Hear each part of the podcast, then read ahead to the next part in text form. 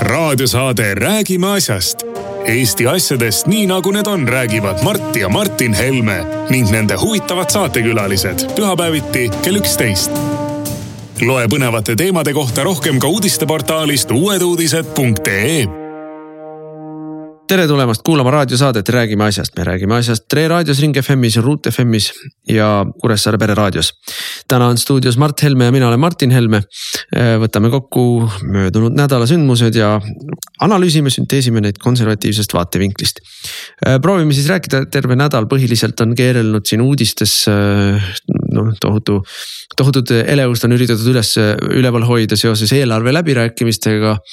ja noh, nii-öelda kas kärbitakse või võetakse võlgu või mis meil on, räägime siis natukene sellest võlast ja majandusest natuke laiemalt äh, räägime siis äh, noh, mõnes mõttes selle teema jätkuna räägime siis riigikaitsest ja riigikaitserahadest, laiapindsest riigikaitsest, sellest, mida me riigikaitse rahaga saame ja teeme. räägime sellest, et Katri Raik ja Jürgen Ligi äh, süüdistades mind ja, ja kogu ülejäänud maailma valetamises ja, ja, ja, ja siis Louis Freeh selles, et ta on Vene agent. on ähm, kokku pannud mingisuguse totaalse jabura teksti, mida nad esitlevad kui komisjoni otsust, ehkki komisjonid ei ole koos käinud ja kui meil jääb aega üle, siis räägime, mis toimub Brexiti rindel, sest et seal rindel on läinud ka nagistamiseks jälle. aga räägime siis äh,, ühe asja tuleks veel ära markeerida, et selle nädala neljapäeval äh, saatis siis valitsus riigikogu poole teele äh, välismaalaste seaduse, seal on veel mingid teised seadused ka muutuvad, aga põhimõtteliselt on see välismaalaste seaduse muutmine. mis äh, piirab äh, oluliselt äh, siis immigratsiooni kolmandatest riikidest ja, ja nii õpi kui töörännet Äh, üritame siis, äh, üritame siis ikkagi äh, rangema kontrolli alla võtta, kui ta siiamaani on olnud, ütleme ausalt, siiamaani ei ole erilist mingit kontrolli olnud. no praktiliselt mitte mingit kontrolli ja noh, see hala, mis on kostnud juba nende arutelude ajal, mis on jõudnud avalikkuse ette selle eelnõuga seoses. on ju ka noh, Tartu Ülikoolis, seal on üks vasakpoolne prorektor vist on ta Äh, kes tegeleb võõrüliõpilastega, no see on tuld ja tõrva sülitanud juba selle pihta, kuidas Eesti muutub kolkaks ja Eesti lõigatakse ära andekatest välistudengitest ja. ja, ja meie, meie haridus muutub nurgataguseks ja konkurentsivõimetuks. no vabandust, vabandust, äh, me ei piira selle eelnõuga mitte mingilgi määral Euroopa Liidu sisest õpirännet. Aga Euroopa Liidust õpib meil igal aastal meie ülikoolides umbes kaks tuhat üliõpilast kaks tuhat üliõpilast, ma arvan, et Eesti ülikoolide jaoks see ei ole sugugi väike number. nii et rääkida sellest, kuidas me oleme siin mingi kolgas ja lõikame ennast ära ja ei anna ka oma üliõpilastele rahvusvahelise mõõtme sellist äh, omandamise ja tunnetamise võimekust ja võimalusi. no see kõik on propaganda, see kõik on valelik propaganda ja, ja tegelikult on vähid hoopis teise kivi all. ja, ja need kivid on, on seotud rahadega, need kivid on seotud üksikute inimeste Äh, ambitsioonidega, nii karjääriliste kui, kui ka rahvusvaheliste ambitsioonidega. aga on seotud ka sellega, et mõned meie ülikoolid nui neljaks tahavad pääseda saja parema ülikooli nimekirja maailmas. Ja seal on omad kriteeriumid, mis puudutavad ka võõrüliõpilaste protsente ja võõrüliõpilaste poolt omandatud diplomeid ja võõrüliõpilaste vastuvõtmist ja kõike, kõike, kõike ja nende rahvusvahelist haaret ja, ja mida kõike veel, ma väga täpselt ei no siin on ka veel teine aspekt asja juures ja, ja siin teevad ülikoolid äh, muidugi omakasupüüdlikku koostööd teiste lobigruppidega, et ähm, need kolmandatest riikidest pärit äh, nii-öelda üliõpilased on ju tegelikult odav tööjõud, et kui me siin võitlesime Ukraina odavtööjõu vastu, noh. Ukraina lüpsjad ja maasikakorjajad ennast äh, ülikooli ei munsterda, bangladeshlased, nigeerlased mis need türklased, türklased, Afganistanid, kes kõik veel, see noh, see on ikka noh, issandal oma, et. Need kõigepealt munsterdavad ennast üliõpilaseks, selle eest makstakse ülikoolidele muide nii-öelda preemiat või noh, nad saavad selle eest lisaraha. ja, ja päevagi nad seal ülikoolis ei pruugi käia, osad muidugi käivad, ma ei ütle, et kõik kohe välja kukuvad, aga väljakukkumise protsent on väga suur muide. Äh, ja äh, hakkavad Eestis siis Wolti ja Bolti teenindama põhimõtteliselt. ja eelnõus ongi need asjad käsitluse alla võetud ja väga selgelt sätestame, et üliõpilane võib töötada ühes kohas täistöökohaga. noh, ma tahaks näha, kuidas ta siis töötab täistöökohaga nelikümmend kaks tundi, viis päeva nädalas ja samal ajal õpib viis päeva nädalas, võib-olla ka seitse päeva nädalas. ja omandab siin diplomid ja doktorikraadid ja mis iganes. et noh, see ei ole võimalik. teine asi on see, et sel hetkel, kui üliõpilane kukub ülikoolist välja, kaotab ta siin Eestis elamise ja töötamise loa ja on kohustatud kolmekümne päeva jooksul lahkuma. ja seal on terve rida, võib-olla me ei hakka praegu seda siin ükshaaval lahti laotama. seda enam, et riigikogus kindlasti tuleb müriaad parandusettepanekuid liberaalidelt ja globalistidelt kes kõik püüavad selle eelnõu nii lahjaks ja mõttetuks muuta, kui vähegi võimalik.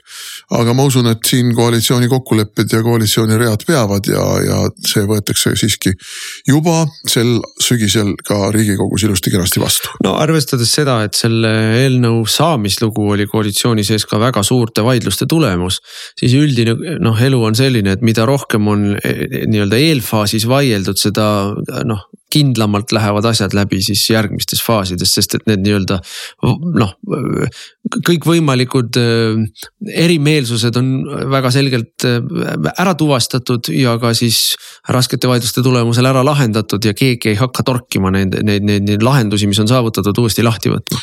ja no pikad vaidlused olid näiteks perekonna mõiste üle äh, kogemus näitab, et äh, eriti Lähis-Ida ja Aafrika taustaga inimestele perekond tähendab hoopis midagi muud kui meil. no hõimu põhimõtteliselt. sisuliselt hõimu ja, ja kogemus näitas ka seda, et nad tõidki kümnete ja, ja noh, kokkuvõttes sadade ja tuhandete kaupa Eestisse järele oma perekondi. see eelnõu ütleb väga selgelt, et alles pärast kaht õpiaastat on võimalik kohale tuua oma abikaasa, seaduslik abikaasa, aga mitte mitte muid perekonnaliikmeid, kaasa arvatud lapsed. erand on ainult üksikemadele ja nemad võivad oma lapse kaasa võtta. ja, ja, ja, ja terve hulk muid niisugusi väga selgelt piiravaid, väga selgelt asju raamidesse panevaid asju kuni palkade maksmise ja palkade kontrollimiseni välja no vot, nii et ise me oleme küll kindlad, et see on äh, oluline samm see valimislubaduste täitmiseks ehk siis immigratsiooni piiramiseks. kahtlemata ei ole sellega kõik mured lahendatud ja, ja, ja kõik augud kinni topitud, kust meil sisse voolab noh, ütleme poollegaalset immigratsiooni. aga see on oluline samm ja ta on ka oluline selles mõttes, et me oleme ikkagi seda diskussiooni Eestis äh, suutnud päevakorras hoida ja neid probleeme äh, üles tõstatada ja nendele ka lahendusi pakkuda, aga tuleme nüüd oma võla ja, ja majanduse ja eelarve juurde tagasi, ma alustaksin võib-olla ähm, Madis Müller, kes on Eesti Panga äh, siis president ja kellega ma üldiselt ütlen, et meil on väga kena läbisaamine. ta on äh, noh laia silmaringiga ja kahtlemata ekspertteadmistega inimene aga noh, ilmselgelt äh, väga ideologiseeritud, väga, väga selgelt ideoloogiaga. ja see ideoloogia, mis on kõige naljakam äh,, selle ideoloogia äh, paavst on pööranud. kui me räägime sellest, et äh, Eesti on olnud aastaid-aastaid selle ideoloogia peal, et meie võlga ei võta, meie laenust ei ela, meie mitte midagi laenust ka ei tee, ei investeeri isegi noh, siis see ideoloogia on äh, väärastunud versioon sellest, mida Saksamaa on teinud. õigemini täpsemalt, mida Saksamaa teistelt nõuab, sest et Saksamaa ise on võlgu võtnud, Saksamaa võlakoorem on äh, päris suur, võrreldes meiega umbes kümme korda suurem oli ennem Covidi kriisi algust ta tegelikult, vabandage väga, Saksamaa äh, võlakoorem oli kuuekümne kandis, noh nii et ta täitis seal nibin-nabin või oli selle Maastrichti kriteeriumite lähedal, täitis reegleid enam-vähem Euroopa keskmine oli kaheksakümmend protsenti ja see kaheksakümmend protsenti võlakoorem euro keskmiselt Euroopa riikides on siis kümme korda suurem, kui oli Eesti võlakoorem äh, selle aasta alguses. aga Saksamaa on ka loobunud selle kriisi taustal äh, sellest nii-öelda enda, enda kuulutatud äh, ideoloogiast ja on hüljanud siis äh, tasakaalus eelarve nõude, on asunud massiliselt ja me räägime tõesti tohutus, tohutus koguses äh, raha laenama. et oma majandust stimuleerida, et kriisist välja tulla, et saavutada uus noh, ütleme siis uus majanduse tase, see tähendab äh, parem tootlikkus, digitaliseeritus. Äh, noh, ütleme tehnoloogiliselt areneda, teha hüpe. ka Saksamaa teeb seda, et noh, ta oli viimane riik Euroopas, no võib-olla Holland oli, on, on veel umbes samasugune riik, kes samamoodi mõtles. Euroopas tänasel päeval ei ole ainsamatki riiki kes äh, ei võtaks massiliselt võlgu selle jaoks, et te, koroonakriisist tekkinud majanduskriisi äh, siis langust vähendada ja sealt langusest välja tulemist kiirendada. ei ole ühtegi riiki, vahe Eesti ja kõigi teiste Euroopa riikide vahel on see, et äh, nendel kõigil teistel oli võlakoorem juba ennem kriisi väga kõrge Eesti oli rekordmadala võlakoormusega, noh, ma toon lihtsalt näited, et Eesti oli oma kaheksa ja poole protsendi peal selle aasta alguses võlakoorem, avaliku sektori võlakoorem suhtes SKP-sse järgmised kaks riiki olid Bulgaaria ja äh, Luksemburg, kellel oli seal um-, natuke üle kahekümne. Eesti jõuab järgmisel aastal sellele tasemele välja oma võlakoormaga. Ja nagu ma ütlesin, Euroopa keskmine oli kaheksakümmend nii et ähm, kui meil siin nüüd selle äh, esitletud majandusprognoosi valguses öeldakse, et me oleme kriisi lõpuks kusagil seal kolmekümne protsendises võlakoormas. siis see on ikka veel kaks ja pool korda madalam, kui oli ülejäänud Euroopa enne kriisi aga ülejäänud Euroopa pärast kriisi on tõenäoliselt kõik kaugelt-kaugelt üle saja protsendise võlakoormaga. aga no meie ideologiseeritud ajakirjanikud äh, juba, juba löövad lokku ERR-is üks ajakirjanik kirjutas, kuidas Eesti massiivselt laenab raha ja neljakordistab oma laenukoormuse. neljakordistab, noh kuskil jah, me arvestame sellega, et aastaks kaks tuhat kakskümmend neli võib see laenukoormus olla eh, umbes kolmekümne protsendi peal. mis ei ole mingi katastroof, aga. mis ma, ma veel kord ütlen, on, on tugevalt alla selle, kus kõik teised Euroopa riigid olid enne kriisi. aga ma tahaks tuua niisuguse elulise näite, ütleme, et on kaks naabrimeest kaks naabrimeest, kes on enam-vähem ühesuguse sissetulekuga. ja üks naabrimees ütleb, et ei, mina panga käest mingit raha võtma ei lähe mina teen kõike oma sissetulekutest ja nii tema siis kõhu kõrvalt remondib maja fassaadi ja vahetab torusid ja, ja ostab seal vahetevahel mõne uue mööblitüki ja noh, muidugi ta teeb midagi. aga kõrval on naaber, kes ütleb, et aga ma saan selle sissetulekuga ju lubada endale vot niisugust laenukoormat. ja ma lähen panka ja võtan pangast raha ja teen majale kapitaalremondi. Ostan endale uue auto, mida ma ei pea iga natukese aja tagant remontimas käima. ja, ja teen selle laenu, laenuraha eest oma õue korda vana lagunenud aia asemele ehitan uue tara ja lähen eluga edasi. jah, mul on kohustused, mida ma pean võib-olla kümme aastat, võib-olla kakskümmend aastat panga ees kandma aga ma elan selles majas, ma tegutsen selles majas ja ma ei pea kõhu kõrvalt mingite üksikute väikeste tööde haaval oma, oma elujärge parandama. ja, ja see on see, mida on teinud kogu muu arenenud no, maailm. terve Lääne-Euroopa jah ja., ja noh jah terve Lääne. jah, me võime öelda, et kreeklased ja itaallased ja mõned teised on seda teinud liiga hoogsalt ja liiga lahkelt. aga mis nendega siis juhtunud on? kas Kreeka lasti pankrotti minna või? Kreeka ju aidati hädast välja, muuhulgas ka meie, meie rahaga. meie rahaga. Eh, Itaalia tõenäoliselt jõuab eh, noh, selle perioodi lõpuni, ütleme kuskil kahekümnendate aastate keskpaigal ligemale kahesaja protsendise võlakoormani SKP-st. ja mis te arvate, et Itaalia lastakse pankrotti minna? mingisugused finantsmehhanismid leiutatakse käigu pealt, kui vaja, et, et seda ära hoida ja peale selle me näeme seda, et maailma finantsolukord on määramatu ja ette ennustamatu nii või teisiti. me ei tea, kas euro peab pingetele vastu, kui kaua eurot juurde saab trükkida. seda me ei oska öelda, praegu trükitakse ja kõik mõtlevad täpselt ühtemoodi. seni, kuni see raha maksab, tuleb see raha vahetada millegi käegakatsutava vastu muuhulgas peetakse käegakatsutavaks ka sotsiaalset tasakaalu elanikkonna rahulolu ja ka sotsiaalsfääri, sfääri kulutatakse küllaltki suur, suuri summasid laenurahasid. see on see, mida meie Jürgen Ligid ja Aivar Sõerdid ja Maris Laurid, kes ajavad noh, täiesti skisofreenilist juttu tükati, ütlevad ju, et mitte mingil juhul teha ei tohi. mitte mingil juhul ei tohi tegeleda pensionite ja lastetoetuste ja, ja muu seesugusega. see on saatanast, ärge jumala eest ühtegi eurot kulutage selle peale, et te inimeste elujärge kuidagi parandate no ma ütleksin selle Kreeka näite kohta, ütleksin, et loomulikult maailmas on näiteid riikidest, kes ongi äh, käitunud ülimalt vastutustundetult rahalises mõttes. ja kellel on selle tagajärjel olnud ka palju pahandusi aga äh, noh, need on harvad näited. ma toon näite sellest, kuidas noh, suur osa Euroopast ikkagi, kaasa arvatud näiteks meie põhjanaabrid Soome, kuhu ju meie inimesed lähevad parema elu, elu, elujärje tõttu tööle on täpselt samamoodi väga kõrgeks ajanud oma laenukoormuse, et ehitada heaoluühiskonda. sama me võime öelda Rootsi kohta ja ma veel kord ütlen, seesama Saksamaa on ju ka kõvasti laenanud läbi aastate, aga ma tulen sinu kahe mehe siis selle näite juurde tagasi, et kaks meest on kõrvuti majades ja ehitavad, ehitavad, ehitavad siis erineval viisil oma elu, elukvaliteeti, et esimene asi on see, et kui neil ka ühel hetkel olid enam-vähem ühesugused majad, siis noh, ma ei tea, käis üle orkaan või kuidas iganes me seda Covidit siin nimetame ja see ja need majad lagunesid ära ühel hetkel. ja nüüd on, ja nüüd on küsimus, kas sa elad ilma akende ja katuseta majas. noh, suu sead sekki mööda, nagu öeldakse meil ja, ja siis äh, olukorras, kus sa tõenäoliselt kaotasid ka sissetulekut ehk su palk vähenes.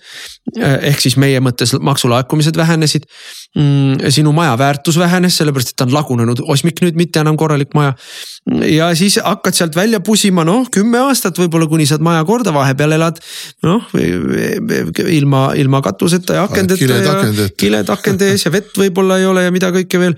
või sa võtad laenu, teed korda ja mis sa selle eest saad, sa saad selle eest esiteks endale kohe elukvaliteedi tõusu, sa saad teiseks endale vara väärtuse kasvu. sul on lagunenud osmiku asemel korras maja, noh, see on see, mida me räägime siin, kui me tahame teid ehitada, seal Saaremaa silda ehitada, investeerida mingitesse suurematesse ettevõtetesse ettevõtetesse. sa saad väärtuse kasvu, sul on midagi, sinu, sinu nii-öelda varad on suuremad kui ennem olid, jah, nendele varadele on peal ka panganõue nii-öelda. aga, aga, aga su varad on kasvanud ja, ja, ja kõigele lisaks ütleme niimoodi, et kui sa sellest kile, kileakendega ilma veeta majast hakkad tööl käima, siis siis, siis tõenäoliselt on sul raske saada noh, viisakat ja hea palgaga töökohta. sind ei võeta, kui sa ei ole pestud ja, ja korralik ja sul riided seljas on öö, määrdunud ja, ja, ja haisvad. et sa saad tagada ka enda sissetulekute kasvu, mis on kogu selle loogika mõte on see, et kui me praeguses majandusolukorras Eh, käituksime nii, nagu me eelmises kriisis käitusime, kus ma meenutan, muide võeti ka laenu. lihtsalt seda eh, noh, eh, sinna juurde räägiti, kuidas me ei võta laenu ja me noh, elame vastavalt oma võimetele. siis oli krokodillide eelarve, kõike käristati maha, muidugi ajutiselt, ajutiselt ainult et need ajutised ongi jäänud alaliseks. aga, aga, aga mis, mis siis tulemus oli eelmise, eelmine kord tehti teistmoodi, eelmine kord e e võeti nii vähe laenu kui saadi. ja elati siis vastavalt olemasolevate võimalustele, tulemuseks oli Euroopa kõige sügavam majanduslangus ja Euroopa üks aeglasemini taastunud majanduskasv. ja saja tuhande inimese lahkumine. just, mille omakorda, mille tulemuseks oli saja tuhande inimese lahkumine, mille üks tagajärgedest on see, et meil nüüd kiunutakse, et vaja on Ukraina töölisi, sest meil ei ole oma inimesi kuskilt võtta. ehk siis sellele järgnes tohutu kaskaad halbasid asju ja noh, me, me ei pruugi täna hakata siin arutama seda, et kas need olid valed otsused või õiged otsused või missugune oli ühiskondlik ootus tol korral või kas, kas üldse teati, mis need tagajärjed on. aga täna me teame, et need tagajärjed olid sellised, nagu nad on ja me neid tagajärgi ei korda enam. kõigele lisaks täna me näeme seda, et kõik teised riigid oma majandust elavdavad, jõuliselt elavdavad, kiiresti elavdavad ja elavdavad seda võlaga ja nüüd on veel üks asi, mida õudselt prääksutakse ja mis ajab mind kohutavalt tigedaks. No vähemalt ei tohiks raha, äh, laenuraha kulutada jooksvate asjade peale. no siin on ilmselt tunda seda, et inimesed, ähm, kes seda ütlevad, ei saa, ei, ei, ei tea, mis tegelikult on seis tegelik seis on ju selles, et Eesti riigi eelarvest umbes pool on sotsiaalkulud umbes pool, kui me võtame äh, kaks miljardit on pensionid, äh, üks koma kuus, üks koma seitse miljardit on haigekassa. Äh, see, see on meil juba, eks ole peaaegu neli miljardit, noh sinna tulevad veel igasugused muud toetused, asjad otsa, meil on neli miljardit sellest umbes kümnest miljardist, mis meil on. eelarve on 11. no üksteist, need, need numbrid igal aastal natuke kasvavad. ühesõnaga, me räägime sellest, et noh, ütleme pensionid ja tervishoid on, on kaks kõige suuremat tükki, aga sotsiaalkulusid on seal ju veel, eks ole, puuetega inimesed ja kõik muud asjad, mis sinna juurde tulevad. on seal veel ja, ja kui me tahaksime siis tasakaalu ajada, okei okay, tõstame need kaks asja kõrvale mi, mi, mille pealt meil siis veel on kärpida, kogu Eesti riigi avaliku sektori palgafond on siin suurusjärgus, ma ei tea, seitsesada miljonit natuke peale, seitse-kaheksasada miljonit umbes. kui me kõikide politseinike, õpetajate, riigiametnike, sihtasutuste ehk siis äh, ülikoolide, kõik avalikust sektorist palka saavate inimeste palgad päevapealt ära lõpetaksime, siis me ka veel päris tasakaalu ei jõuaks. ehk siis noh, ei ole mõeldav, et me äh, ajame tasakaalu äh, kärpimisega sellel eesmärgil, et jooksvaid kulusid mitte katta, no see lihtsalt ei ole tegelikult reaalne jutt. ja, ja, ja, ja ütleme siis, et okei okay,, me jooksvaid kulusid katame ainult maksulaekumistest, aga kärpimised teeme investeeringute arvelt. see on ju veel jaburam, kui me investeeringud ära jätame, siis me sellega lõikame ära ju tulevase majanduskasvu, lõikame ära töökohtade juurde loomise. lõikame ära skp kasvu ja, ja, ja, ja sellel on omakorda tagajärg võlakoormale. ehk siis, mida väiksem on su skp, seda suurem on olemasoleva võla suhe SKP-sse. ja meil oli suur vaidlus siin äh, valitsuse arutelu ajal, et kas see protsent oleks kolmkümmend protsenti, kolmkümmend viis, kakskümmend viis protsenti.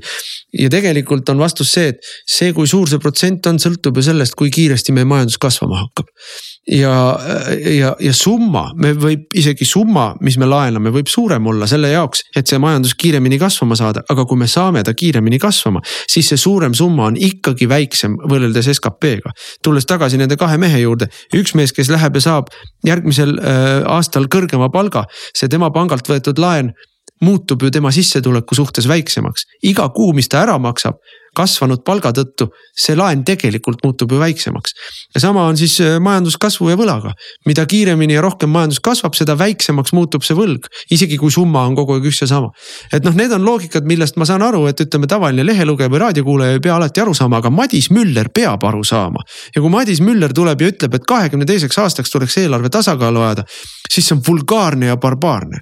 ei no see ei ole lihtsalt, see ei ole lihtsalt võimalik, see on võimalik ainult sel juhul kui me noh, sõna otseses mõttes kogu riigi jää peale paneme.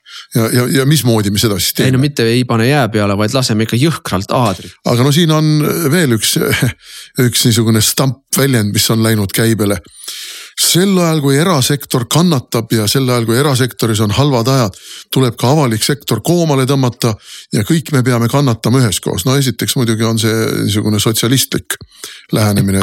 mul on halb, siis peab kõigil halb olema.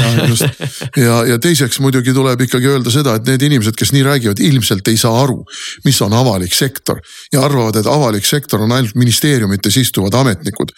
see on suhteliselt väike hulk inimesi avalik sektor, need on päästjad, tuletõrjujad, õpetajad, arstid, ka kohalike omavalitsuste töötajad. ülikoolid. ülikoolid ja, ja, ja siis kõige lõpuks võib-olla jah kirstordil on need ministeeriumi ametnikud, kes ei ole sugugi nii kõrgepalgalised enamikus nagu kusagil noh, keegi ka ette kujutab. jah, on äh, kantslerid, asekantslerid, kelle palgad on seal võib-olla kusagil suurusjärk umbes kolme tuhande ringis. ei no mis ole. sa nalja teed, enamikel kantsleritel on palgad palju kõrgemad kui ministritel. mitte kõigil no,, näiteks minu kantsleril ei ole. jah, aga, aga, aga on... enamik alam, allpool olevaid ametnikke ei saa selliseid palkasid. nii et. ei no reariigi ametnik kindlasti okei okay,, aga mis me siis teeme, paneme ministeeriumid kinni, et kõik võrdselt kannataksid isegi kui me seda teeksime isegi kui me seda teeksime, see ei päästaks, see ei annaks võimalust teostada Madis Mülleri mingisugust, ma ei tea, imperatiivi, et tuleb tasakaalu viia aastaks kakskümmend kaks see ei muudaks, see, see ei nihutaks seierit. tasakaalu saavutamine ehk see loosung, mida meile on välja käidud, et äh, jooksvaid kulusid ainult jooksvate tuludega katta, on võimalik ainult juhul, kui me oluliselt vähendame pensioneid, oluliselt piirame tervishoidu, oluliselt kärbime haridustöötajate, siseturvalisuse, riigikaitse ja muude selliste suuremate tükkide, avaliku sektori tükkide palkasid. ainult sellisel juhul on võimalik, mm, äh, võimalik saavutada see, see, et me nii-öelda jooksvatest kuludest midagi ei kata. ja, ja noh, sellise barbaarsusega noh, üle minu laiba, ma ei ole never ever, ma ei ole iial nõus sellega. ei no ma tahaks teha, mida need inimesed ütlevad, kui tõepoolest aastal kaks tuhat kakskümmend üks, esimesest jaanuarist hakkab neil kõigil tiksuma kuskil mingi kümme protsenti väiksem palk. ma, ma, ma arvan, et meil isegi vaga ja, ja rahumeelne eestlane hakkab mässama selle peale. ei no aga siin on üks asi veel jälle öeldakse, et noh, et solidaarselt äh, erasektoriga peaks siis äh, avalikul sektoril ka kärpima, et noh, jälle noh, kärpida on võimalik väga erinevatest kohtadest ja, ja noh, ütleme sümbolkärpeid on alati võimalik teha ma kohe võtaksin ära raha erinevatelt MTÜ-delt, noh, mis on selgelt ideoloogilised ja mida mitte kellelgi peale nende MTÜ-de ja, ja, ja vasakpoolsete vaja ei ole. aga noh, selle mõju riigieelarvele on üsna tagasihoidlik. aga arvestada tuleb seda, et see kulutus, mis riik teeb üldiselt on väga suur osa ka erasektori käibest. riik ostab väga palju teenust erasektorist, riik teeb väga palju investeeringut, kus ta ostab siis noh, hangib nii-öelda erasektorist. ja kui riik hakkab äh, väga järsult praegu kärpima, siis ta veelgi süvendab erasektori äh, tulude ärakukkumist kusjuures viib selle tulude ärakukkumise tänas, tänaste kannatavate sektori kõrval hoopis teistesse sektoritesse. ja, ja, ja sellega süvendab järsult majanduslangust Su,, süvendab ja suurendab järsult äh, tööpuudust. selle tagajärjel suurendab ja süvendab järsult äh, maksulaekumiste äh, vähenemist, mille tagajärjel suurendab järg, järsult laenu võtmise vajadust. see on äh, ennast hävitav ja täiesti lühinägelik ja juhm poliitiline soovitus, mida me, sellised inimesed annavad täiesti vastutustundetult ja ma olen täiesti nõus nende inimestega, kes ütlevad, me ei saa lõputult laenu peal elada, ma olen täiesti nõus.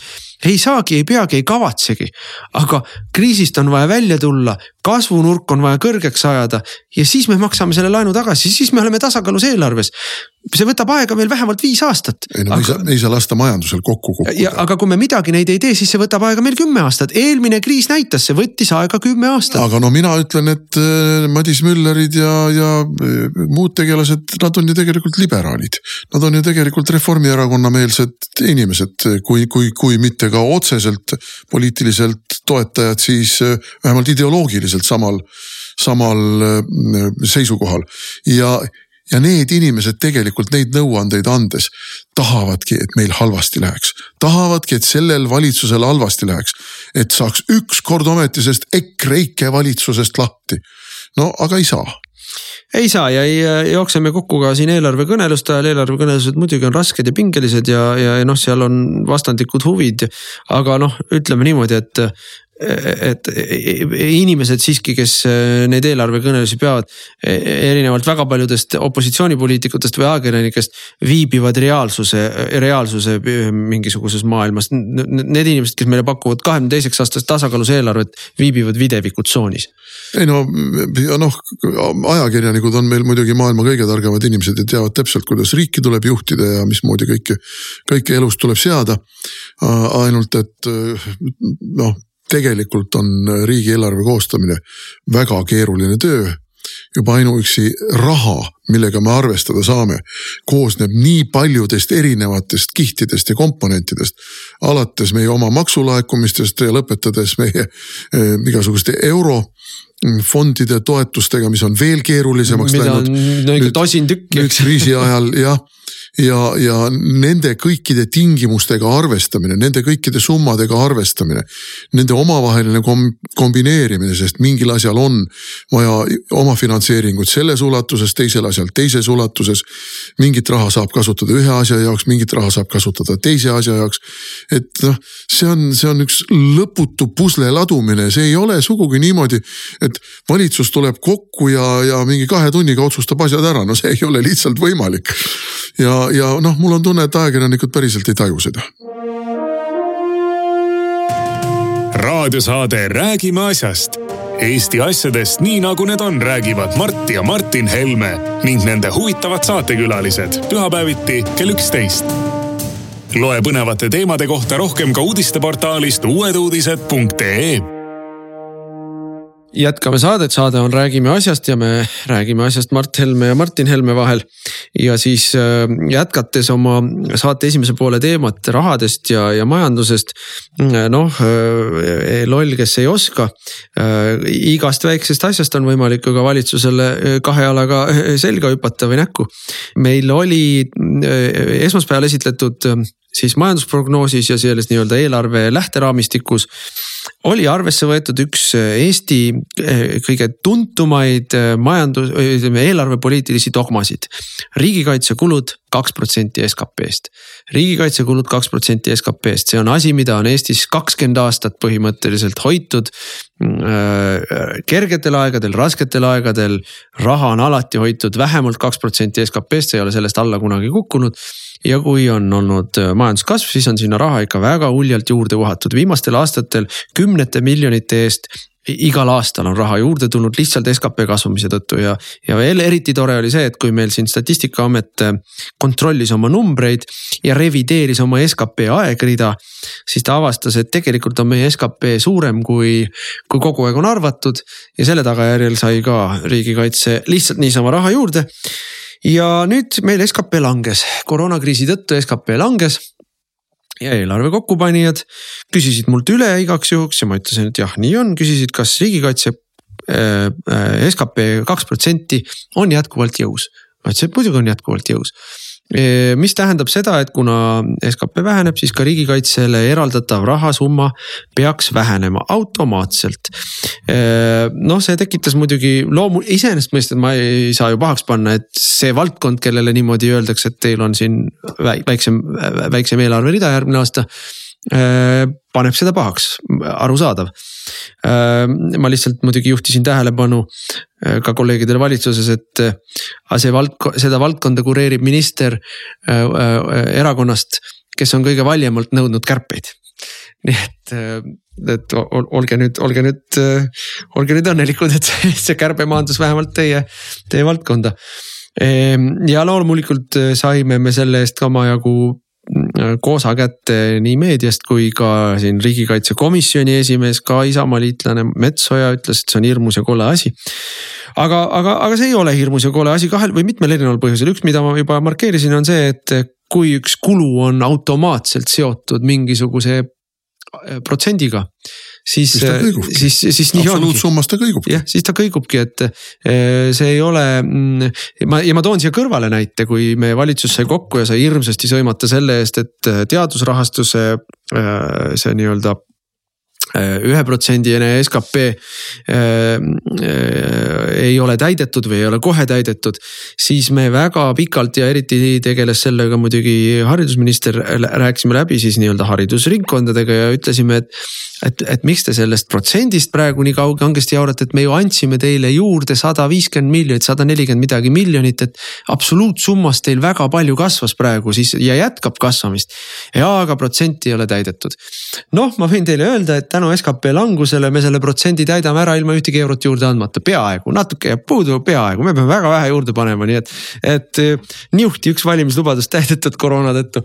Ehm, noh, nii et see, see, mida see ilmestab, on see, et taolised automaatpiloodile pandud ühe või teise asjaga seotud numbrid, need on kahe teraga mõõk ja ongi kahe teraga mõõk. aga, aga teine asi on muidugi nüüd see, et riigikaitse, meile on ka räägitud ju äh, aastaid ja aastaid, et riigikaitse on laiapindne asi. riigikaitse on kogu ühiskonda hõlmav asi ja see ei ole ainult äh, kaitsevägi ega isegi mitte ainult kaitsevägi ja kaitseliit, seal on muud asjad ka, seal on omavalitsused ja. ja see on ka siseturvalisus, loomulikult siseturvalisus on riigikaitse üks osa ja, ja selles mõttes äh, äh, ei saa nagu vaadata neid asju täiesti isolatsioonis, et, et noh, ainult siis, kui me paneme äh, ütleme siis äh, kaitseministeeriumile raha anname äh,, teeme me midagigi riigikaitse heaks. Nojah, aga noh, propagandistid siin alates Marko Mihkelsonist ja, ja lõpetades siin veel Äh, mõnede teistega, on juba kisanud, kuidas meie tahame kaitsekulutusi vähendada. ei, meie ei taha kaitsekulutusi vähendada. meie ei taha kahele protsendile rohkem raha juurde anda seda me ei taha teha. tegelikult kusjuures isegi oleme selleks valmis, aga tahaks, et see läheks kaitseinvesteeringuteks ja siin on väga oluline punkt. Ehm, see haakub jälle sellesama diskussiooniga, mis meil oli, et noh, et nii-öelda jooksvalt ei tohi ära süüa raha, mis me võtame laenu, et see laen peab minema millegi käegakatsutavaks investeeringuteks. et mina olen iga kell nõus ja praegu on selleks suurepärane võimalus. võtame laenu ja täidame oma riigikaitse peamised lüngad. õhutõrje, rannakaitse, soomusmanöövervõimekus. no me räägime siin suurusjärgust paarsada, kolmsada miljonit eurot, me täidaksime need lüngad ära juba kui me selle summa suunaksime äh, kaitse-eelarvesse, siis meie kaitse-eelarve kasvaks üle kolme protsendi. sisuline kulutus kasvaks üle kolme protsendi ja ma oleks kohe selle, ma kirjutaks kahe käega sellele alla kohe. ma, ma võin isegi öelda seda, et on olemas pakkumised erinevatelt relvatootjatelt ja on olemas isegi äh, raamlepingud erinevate relvatootjatega, et need hanked kohe ära teha nipsti, kiiresti, ainult vaja otsust. et äh, ma kohe kahe käega nõus. millesse ma nagu suhtun skeptilisemalt, on see, et me anname, anname ja anname kaitseministeeriumile raha juurde ja võimekuslüngad ei parane nojah, väga kriitiline olles ma ütleksin niimoodi, et meil räägitakse siin uljalt kahest brigaadist. Et Eesti sõjaaja võimekus on kaks brigaadi, aga brigaad kõlab uhkelt, aga tegelikult on meil sisuliselt kaks pataljoni. Tegelikult on meil sisuliselt kaks pataljoni, pluss seal juurde kuuluvad mingid väiksed lahingugrupid ja muud asjad. aga noh, kõlab uljemalt ja, ja see on siis kolmekümne aastase riigi kaitsevõime ülesehitamise tulemus, kus ei ole, meil ei ole lennukeid, lennukeid meil ei saa olema, need on noh praegu. no need on liiga kallid, neid ei peagi vaja olema. meil, meil ei ole soomusvõimekust, meil ei ole rannatõrjevõimekust, meil ei ole õhutõrjevõimekust, meil ei ole piisavalt tankitõrjevõimekust. me ei näe midagi õieti, mis toimub meie vee all, välja arvatud see, mis on meie piirivalvelaevade sonaritega võimalik tuvastada. kaitseministeerium sisuliselt kasutab eh, neid radareid, mis on meie piirivalvel et merepiiril pilti ette saada. et selle, selle kolmekümne aasta saavutused on ikka ausalt öeldes materiaalses plaanis äärmiselt tagasihoidlikud, äärmiselt tagasihoidlikud ja siis hakkavad mingisugused tegelased alates Mart Laarist ja lõpetades Andres Metsojaga, riigikaitsekomisjoni esimehega, süüdistama mind, et mina ehitan paralleelstruktuure ja, ja, ja raiskan riigi raha mis ei aita kaitsevõimet tõsta. vabandust, kui Soome siseminister oli siin kaks nädalat tagasi, siis me vestlesime muuhulgas ka Soome piirivalvejuhtidega ja Soome piirivalvejuhid ütlesid väga selgelt. hübriidohtude nimekiri pikeneb, hübriidohud muutuvad aina aktuaalsemaks ja Soomes käsitletakse piirivalvet ja sisekaitse, siseministeeriumi muid mm, üksusi riigikaitse äärmiselt olulise esimese kaitseliinina. Ja praegu kavatsevad nad juurde muretseda lisaks tavapärastele käsitulirelvadele ja muule varustusele ka juba raskerelvi. see on asi, mida ei ole meil piisavalt isegi kaitseväel rääkimata sellest, et meie piirivalvel oleks mingeid raskerelvi, noh miinipildujatest alustades ja mingite kergete haubitsatega lõpetades aga tegelikult me peame sedapidi mõtlema, sest ka meil on sisekaitseüksused need, kes hübriidohtude realiseerumise olukorras võtavad esimese löögi enda peale. no meie, kes me oleme rahvusvahelise õiguse osas noh, ülipüüdlikult jälgime seda ja täidame kõiki võimalikke reegleid, mida isegi tegelikult ei kehti ja mida ei, ei peakski järgima. teame ju väga täpselt, et ütleme siis noh no, piltlikult öeldes roheliste mehikeste stsenaariumi puhul meil ei hakataks kasutama ju vähemalt mitte kohe ja vähemalt mitte otsustavalt Mm, äh, kaitsejõudusid, sest et äh, ei ole päris selge, mida rahvusvaheline õigus selle kohta ütleb. aga küll aga võib roheliste mehikute, mehikeste situatsioonis äh, kasutada kohe ja otsustavalt kõikvõimalikke sisejulgeolekujõudusid. ja, ja, ja, ja selleks valmistumine on noh, on, ma ütleksin, on minimaalne või elementaarne hoolsuskohustus igal valitsusel. aga noh, jah, soomlaste, soomlaste eeskuju meil õige mitmes asjas ikkagi järgitakse ja riigikaitse küsimustes ma ütleksin, et on soomlastelt meil ikkagi väga palju eeskuju võtta, nii et, et aga, aga ma, ma, ma, ma isegi, minu arust on nagu hästi vale vastandada sise, e, e, ütleme siis sisejulgeolekut ja välis, need on tervik. ja, ja sellepärast neid tulebki näha tervikuna ja sinna pandud raha, mõlemasse pandud raha toetab teist. kusjuures no. soomlased kuulasid kikkis kõrvadega meie ettekannet ja meie slaidiprogrammi meie eh, kriisireservi moodustamise põhimõtetest. sellest ülesannetest, varustusest, mida me kavatseme neile muretseda ja ütlesid, et see on nii eh, hea idee, et nad kindlasti tahavad sel teemal läbirääkimisi meiega jätkata ja kavatsevad seda järele tegema hakata. aga noh, mõnede meie meel, inimeste arvates on soomlased muidugi lollid ja meie oleme ainsatena targad ainult, et Soomel on kaitsevõime ja meil ei ole noh, ma päris nii radikaalselt no, ei ütle, et meil kaitsevõimet ei ole. puudulik, ütleme aga, aga ma ütlen veel kord, et selle raha eest, sellesama kahe protsendi eest, mis on igal aastal palju suurenenud. on meil kroonilised võimekuslüngad, kroonilised võimekuslüngad, need, neid, neid me oleme teadnud alates üheksakümne esimesest aastast, need on. ja, ja, ja kuidagi ei taha väheneda ja, ja, ja nende võimekuslünkade likvideerimiseks oleks, on võimalus praegu on suurepärane võimalus, reeglid lubavad võtta laenu ja need võimekuslüngad täita. E, et, et ära soetada endale õhutõrje ja rannakaitse ja võib-olla ka noh, noh, me teame, et britid nii-öelda sisuliselt laohinnaga või, või, või mahakandmise hinnaga e, on, on valmis meile tanke ära andma, me saame sisuliselt moderniseerimise hinnaga mõne miljoni euroga saame endale tanke osta, kui tahaks aga noh, mine seda rääkima siis see, nendele inimestele, kes, kelle, kelle igapäevane tööülesanne peaks olema selliseid diile välja otsida ja. ja, ja valitsuses käia nööpi keeramas, et ometi tehke ära. E, siis kuuleme ainult põhjuseid, miks seda teha ei peaks ja miks seda teha ei saa.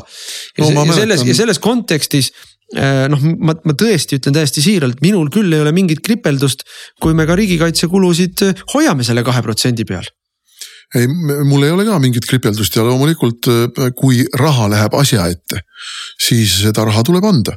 ainult et ma ei näe, et see raha läheb asja ette, ma näen, et see läheb mingisse bürokraatlikku jahmerdamisse, lõputusse venitamisse, mingitesse hangetesse, mingitesse ühishangetesse teiste riikidega.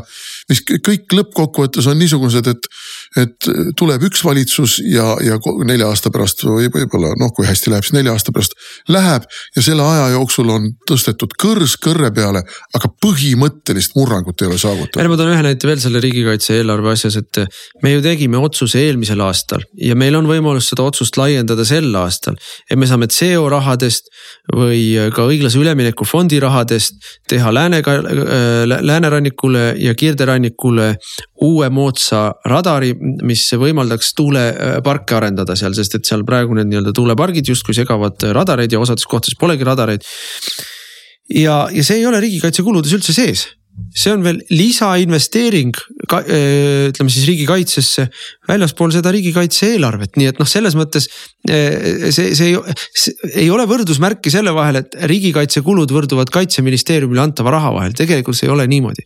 et noh, aga noh, ütleme pealiskaudsele vaatlejale on võimalik igast noh, lehe pealkirjadega ikka kärbseid pähe ajada. ei no laiapindsesse riigikaitse läheb ka see, kui me tellime juurde laevu oma piirivalvelaevastikule, kui me tellime koptereid, äh, millele, milledele tegelikult on võimalik ju paigaldada ka väga lühikese ajaga äh, statiivid äh, ja mida saab kasutada siis raketikomplekside külge panemiseks, raskekuulipildujate külge panemiseks.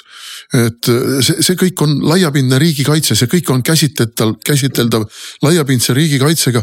rahuajal täidab ta ühtesid ülesandeid, kriisiolukorras täidab ta teisi ülesandeid, sõjaolukorras täidab ta kolm, kolmandaid ülesandeid. ja seda kõike tulebki niimoodi vaadata, aga meil on selline kitsarinnaline vaatamine et ainult see raha, mis läheb kaitseministeeriumile, on riigikaitseks kulutatud. ainult need asjad, mis on sinna soetatud, on riigikaitseks käsiteldavad. no ei saa nii ei saa nii piiratult sellele läheneda. no ma muidugi arvan, et siin on ka vähe ei mängi oma rolli selles, et ehm, noh, sõbralik meedia ja, ja, ja sõbralik opositsioon üritab jälle noh, nii, nii palju, kui neist, neil vähegi õnnestub maalida pilti meist kui inimestest, kes ei, ei, ei hooli Eestist ja teevad Eestile kahjulikke otsuseid ja üldse ei saa mitte millestki aru.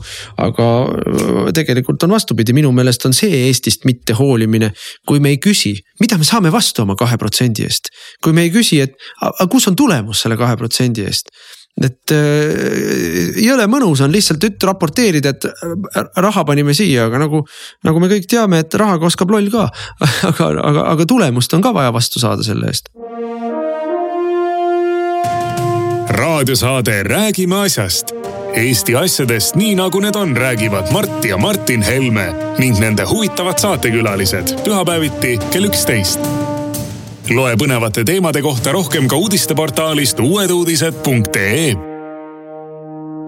Läheme oma saatega edasi, saade on Räägime asjast, stuudios on Mart Helme ja mina olen Martin Helme, meil on äh, tuleme korraks juurde tagasi ühe absurditeatri juurde, milleks on Katri Raik ja Jürgen Ligi äh, komejant, ma ei tea, mitme, mitmes vaatuses siis äh, õigusabilepingu sõlmimise teemal Ameerika Ühendriikidega ja Louis Freeh'ga. jälle lehe, lehe pealkirjad justkui teatasid, kuidas riigikogu või riigikogu komisjonid jõudsid järeldusele, et ma olen pättkaabakas ja valetaja ja Louis Freeh on Vene agent. ja riigikogule on valetatud ja dokumendid on halvad ja leping on halb ja üldse tuleks kohe leping ära lõpetada. no eh, pehmelt öeldes eh, selline asjade esitlemise viis on ise valetamine et äh, esiteks ei ole riigikogu komisjonid selliseid raporteid heaks kiitnud, riigikogu selliseid komisjone ei ole olnudki üldse, et seal midagi heaks kiita.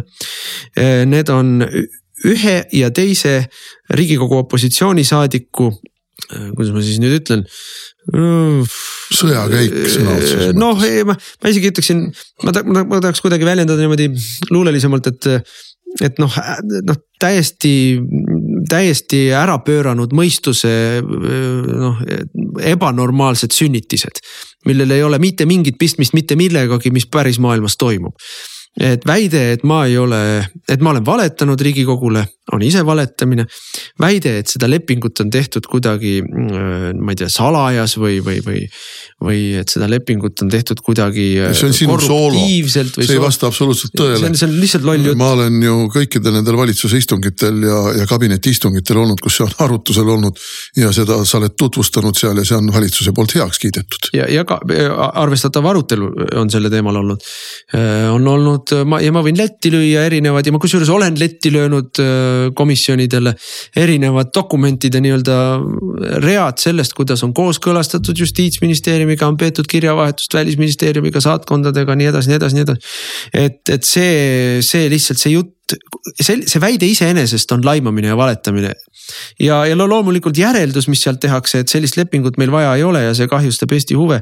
noh, ka see on see on iseenesest äh, e-, Eesti huvide kahjustamine. nii et noh, see on, on nii tagurpidi antsla, mida need kaks äh, Need kaks äh, koerapöörirohtu söönud opositsioonisaadikut püüavad esitleda ja mida loomulikult Eesti meedia mõnuga aitab neil esitleda ja see on minu meelest, ütleme niimoodi, et kui keegi üldse on solvanud riigikogu liikmeid või, või, või käitunud halvasti riigikogulaste suhtes, siis need on need olnud need kaks opositsioonisaadikut oma kolleegide suhtes no eh, jah, presenteerida seda mingisuguse riigikogu, ma ei tea, nimel mingisuguse uurimistulemusena. nagu oleks olnud mingisugune tohutu detektiivide büroo, mis on siin ajanud jälgi ja kogunud dokumente ja teinud ülekuulamisi ja. no alustame sellest, et komisjoni istungeid ju ei toimunud. komisjoni istungeid ei toimunud, sest kvoorumit ei tulnud kokku. ja alustame sellest, et sul ei olnudki mingit kohustust sinna minna ammugi ei olnud kohustust minna sinna sinu nõunikel just, ka siin on Katri Raik valetanud, et ta saatis meile kurja kirja, et vot on kodukorraseaduses need ja need paragrahvid, mis kohustavad tulema, unustades ära, et need ja need paragrahvid räägivad uurimiskomisjonist. tema komisjon ei ole uurimiskomisjon tema komisjon ei ole uurimiskomisjon ja uurimiskomisjonil on tõepoolest selle jaoks, et nad saaksid uurimisi läbi viia, on, on äh, rohkem võimu kui tavalisel äh, riigikogu komisjonil. Eh, ehk jälle noh, pehmelt öeldes on avalikkusele puru silma aetud, otseselt öeldes on valetatud. nii et noh, kui siin valetamisest rääkida või valetamises kedagi süüdistada, siis peaks ikkagi peegli panema neile silme ette. ei noh, mina vaatasin, olen kogu aeg seda vaadanud, et minu meelest tegemist on tsirkusekoolist välja kukkunud klounide väga ebaõnnestunud etendusega. teistmoodi ma seda kirjeldada ei oska. aga mis puutub sellesse, et noh, nüüd on siis on siis äh, võetud nagu selline hoiak ka meedias, et, et sul on midagi varjata. sul on midagi varjata ja sellepärast sa ei läinud äh, komisjonidesse ja, ja ei, ei olnud nõus nendega siis seal diskuteerima. no komisjoni istungeid ei toimunud Eh, no, alustades sellest ja teiseks, sul ei ole midagi varjata, sa oled esitanud oma dokumendid, sa oled teinud pressikonverentse, sa oled andnud äh, ajakirjandusele, tõsi küll, mitte Delfile, aga põhimõtteliselt. aga, aga Delfi ei ole ka ajakirjandus. teistele väljaannetele omapoolseid selgitusi ja ma tõmbaks ikkagi siin äh, niisuguse, niisuguse asja fookusesse, et mitte kusagil mujal maailmas ei pea keegi Louis Freeh ega tema firmat Kremli mingisuguseks varikompaniiks ja, ja, ja Putini huvide esindajaks, mitte kusagil, mitte keegi.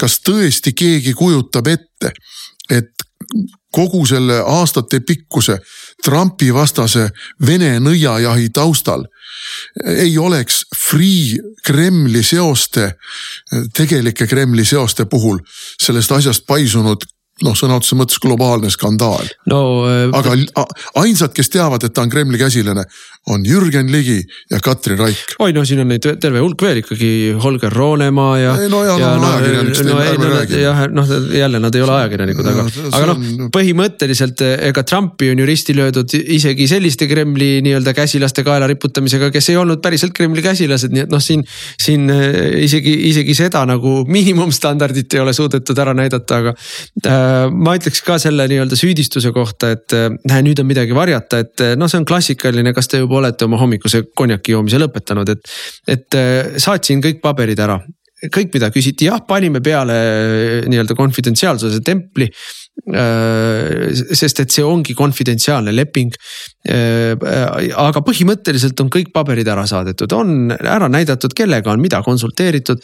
on korduvalt räägitud ja, ja, ja ka rahanduskomisjonis käisin ju ja andsin sellel teemal rahanduskomisjoni liikmetele vastuseid mis on selle lepingu eesmärk ja, ja, ja mida me sealt ootame, seda on kõike räägitud. see, et neile need vastused ei meeldinud, see, et dokumendid ei meeldinud Äh, see, kui aru ei saadud või ei tahetud saada, no, no mis siis teha, ega mõistus pole oma teha, kuskilt poest juurde ka ei müüda.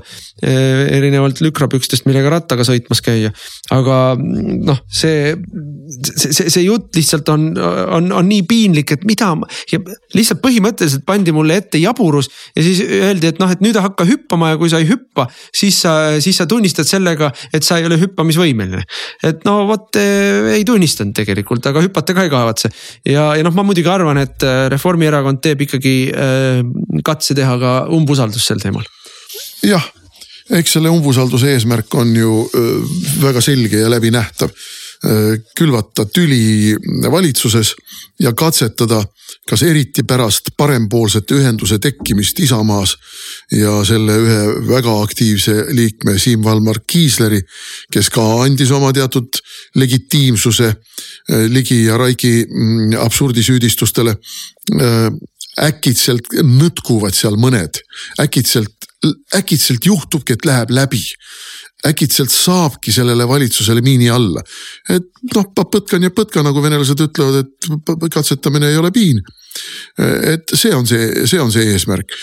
hoida meid tegevuses täiesti ebaolulise teemaga, selle asemel, et tegeleda oluliste asjadega. ja külvata umbusaldust, tüli ja kahtlustust koalitsioonipartnerite vahele. noh, ma ütleksin, et me oleme ju valitsuse liikmetega no praktiliselt igapäevaselt koos. me oleme ju ka järgmisest nädalast alates fraktsioonide liikmetega väga tihedalt kontaktis.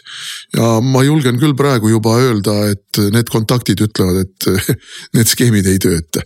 Need asjad ei lähe läbi lihtsalt. no ma ei näe, noh, ütleme ausalt öeldes, kui, kui ma arvan, et eriti ükski minister ei soovi, et talle umbusaldust avaldatakse, milleks seda jama vaja on, aga. aga kui nagu soovida ühte ideaalset teemat, millega riigikogu saali minna ja seal paugutada siis vot selle teemaga ma lähen hea meelega pulti umbusalduse avaldusele, et, et hakkame siis, hakkame siis lappama lahti seal Jürgen Ligi huvide konflikti rahandusministrina, Katri Raiki saavutusi siseministrina rahapesuvastases võitluses. Võtame siin sotside justiits- ja siseministrid Anveltid ja Pevkuri, et võtame ette, kes oli nii justiits kui siseminister noh, kohe, kohe, kohe mõnuga võtame ette, kes mida tegi, kes millal oli, kus kohas. Äh, mis need, mis need saavutused olid.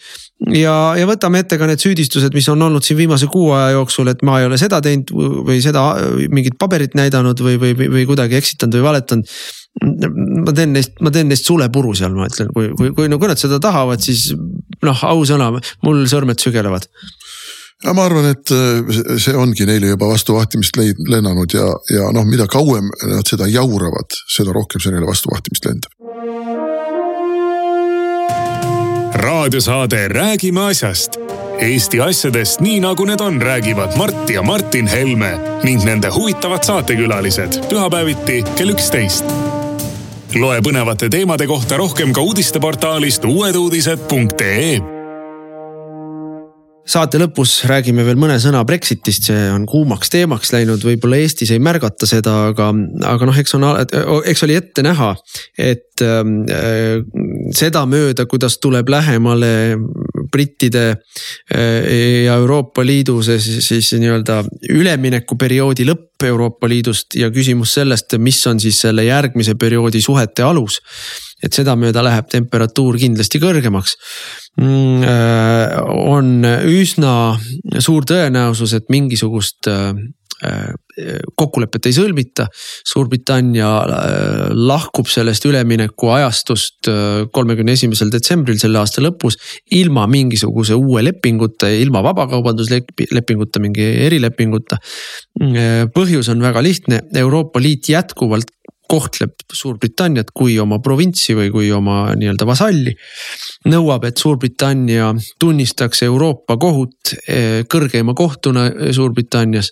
Nõuab, et Suurbritannia võtaks automaatselt üle eh, terves hulgas valdkondades Euroopa Liidus vastu võetud direktiive, noh nüüd töö tööohutuskeskkonna direktiivid, äh, äh, siis äh, nii-öelda riigiabi direktiivid ja loomulikult nõuab ka Euroopa Liit, et ähm, Suurbritannia territoriaalvetes peavad saama Euroopa Liidu kalurid käia edaspidi kalastamas.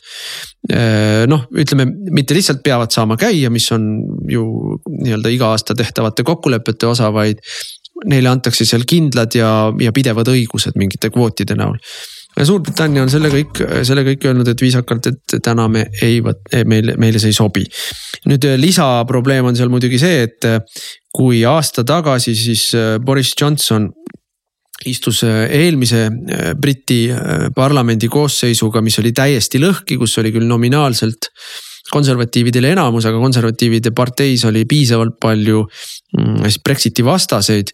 Äh, ja soovis saada erakorralisi valimisi, sest noh, täielik patiseis valitses Suurbritannia sisepoliitikas äh, siis selle jaoks, et saada erakorralisi valimisi, oli siis tollane opositsioonipartei, tööpartei, noh ka tänane opositsioonipartei seadnud äh, siis eeltingimuse, et peab tegema selle nii-öelda lahkumisleppe Brüsseliga, no see lahkumislepe sisuliselt oli poliitiline deklaratsioon.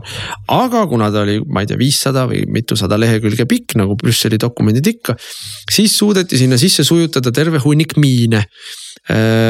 noh, mis hakkavad tööle siis, kui lepingut ei tule ja, ja no loomulikult ma ei usu seda, mida britid tänasel päeval ütlevad, et nad ei saanud aru või nad ei taibanud, mida see või teine asi tähendab.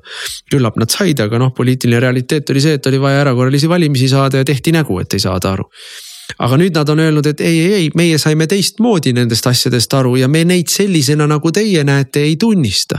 ja no selle peale on tohutu kriiskamine läinud lahti, et kuidas Suurbritannia käitub nagu paariariik, kes ei tunnista rahvusvahelisi kohustusi ja. ja, ja, ja siit ja kui nad ei täida neid, siis on, seisab ees kaubandussõda ja rahvusvaheline arbitraaž ja ma ei tea, mis kõik asjad, et noh, seda on kohe päris, päris huvitav vaadata.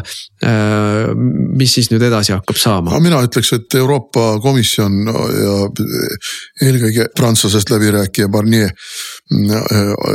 panid eelkõige miini alla Euroopa Liidule endale.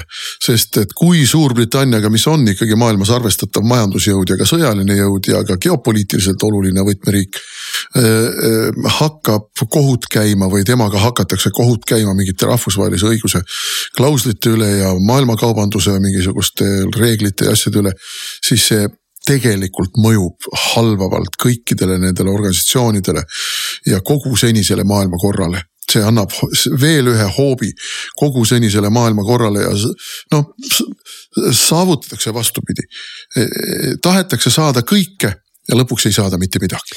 ja ei noh, noh Barnier on ülimalt arrogantne ja ülimalt äh, paindumatu läbirääkija olnud. nagu prantslased ikka. noh, nagu ikka jah, ja, ja noh, kogu asi taandub kogu aeg ikkagi ühele samale küsimusele, britid käivad ringi ja räägivad ühte sama asja, et kas te saate aru, et me oleme suveräänne riik, kes lahkus. et te ei käsuta meid enam ja ei, nad ei saa aru.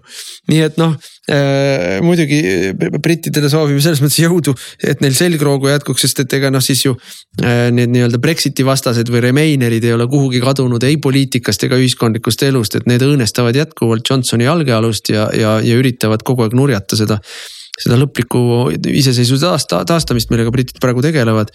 ja noh, arvestades seda, kui äh, hapu on Johnsoni seis äh, koroonakriisi tõttu, koroonakriisi tagajärjel tekkinud majanduskriisi tõttu ja kõikide nende igasuguste paanikate tõttu, mis seal on. Äh, Eestis ikka võrreldes Suurbritanniaga on noh, ikka maru hästi läinud ja väga rahulik ja vaikne ja, ja, ja, ja tervise olukord ja majanduse olukord hästi kontrolli all et nojah, äh, siis, siis noh, ta on väga, ta on nagu mitmelt poolt kogu aeg, kogu aeg tule all, nii et noh. soovime talle siis, soovime talle siis jõudu rahva tahte elluviimisel lõpuni. aga tal ei ole õnneks praegu ühtegi tõsiseltvõetavat sama karismaatilist konkurenti see on tõsi, opositsioon on seal üsna armetu praegu. sellega on meie saateaeg täielikult lõppenud, otsa saanud, rääkisime isegi vist natuke lõhki. ja äh, täname teid kuulamast ja kutsume kuulama jälle nädala pärast. Te kuulasite raadiosaadet Räägime asjast. saate eest tasus Eesti Konservatiivne Rahvaerakond. järelkuulamine internetis treeraadio.ee ja uueduudised.ee